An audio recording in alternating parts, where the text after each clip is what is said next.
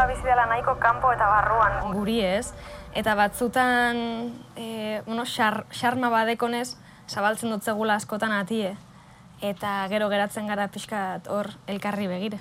Ez da errezan norbaiti emotien norbere bizitzako edo bihotzeko giltza, eta batzutan jakin behar da kentzen baita ere. Suposatzen dut askori pasauko jakula bizitzan e, exponitzen garela zeo seriez, eta vulnerabilizatzen zarela tope. Esango nuke garesti ateratzen jakula da noi, e, norbere deabroakin ibiltzea, batzutan saldu behar zara gehiegi edo, gero balizeteko kontrolatu zer eman nahi dozun eta zerrez.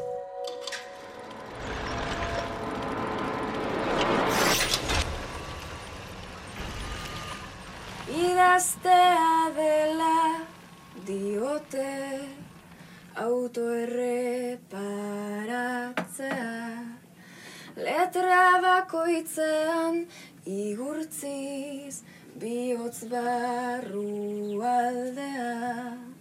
Negarrik egin ezin duenaren korapiloa katzea. Laguntza eske folio batera itxuan amiltzea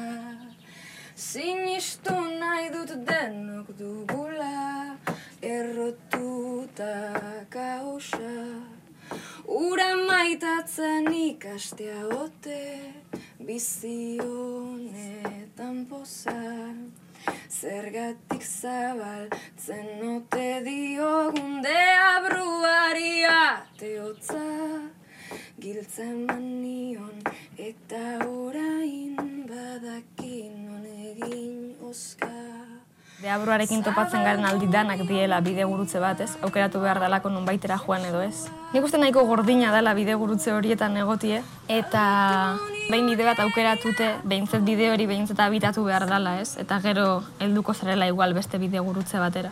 Ba ez dakit, nik uste dut bidea erabakitzen dela egiten, gauza asko erabakitzen dugu, baina beste gauza asko ez dugu erabakitzen. Ke ba, morruz ez. Momentu batzutan askarregi, eta nahiko nuke oin pixkat astiro egin bidea. Ez dakidan astiro, baina erritmo naturala baten egin bidea, ezain frenetiko. sexual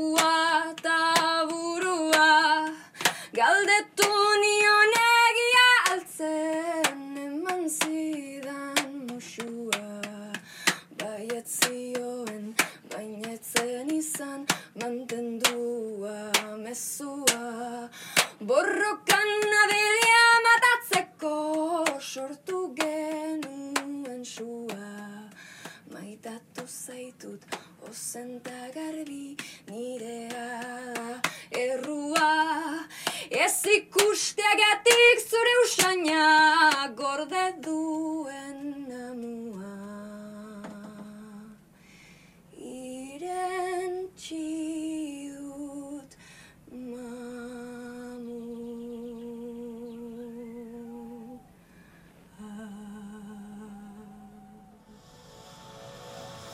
Mm, kanta bat niretzat da erantzun bat momentu bati.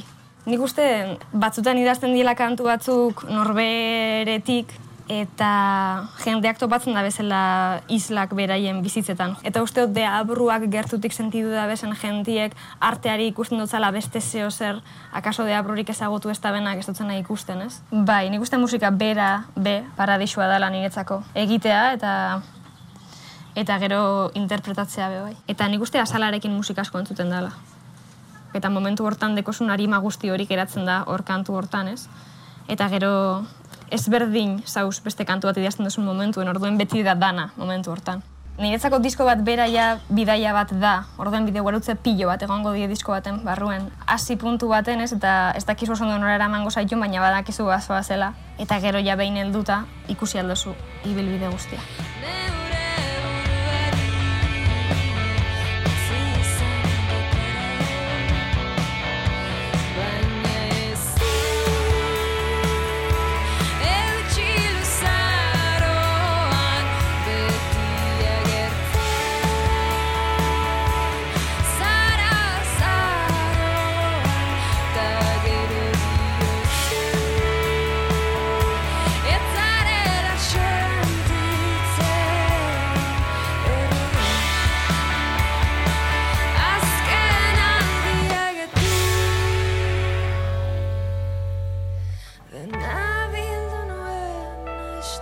Egoen burruka da, musika industria bera, eta nahiko komplikatu da, nik uste danok ibiltzen garela inguruko bidei begira, baina puntu oso ilunetara heltzen zara. E, olako momentuetan da egia da, nik uste garrantzitsua dela saiakera hori eitie konparatzen ez ibiltzeana, ez? Inspiratzen bai, eh? Tentazio batzuk izan ditut zare sozialetan adibidez sortzen dan enbidia roi horrekin, akaso amildegi hori ikusi neban aspaldi, eta erabaki nebanen abela nahi jarraitu hori horrela ikusten, ez? Igual akaso hori da tentazio tik urbilen aukido dan zen zer.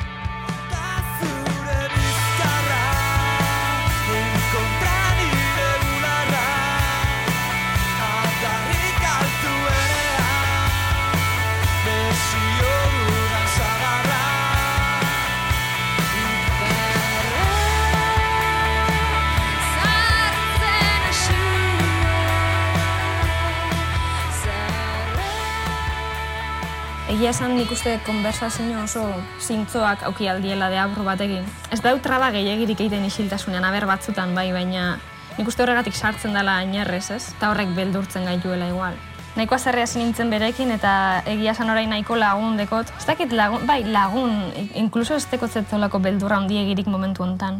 Nik uste bakartia dela, baina batzutan behar da bela konpainia eta akaso pixat konpainia hori ematen badotzezu, nik uste gero, lortu aldo zuzela gauza batzuk.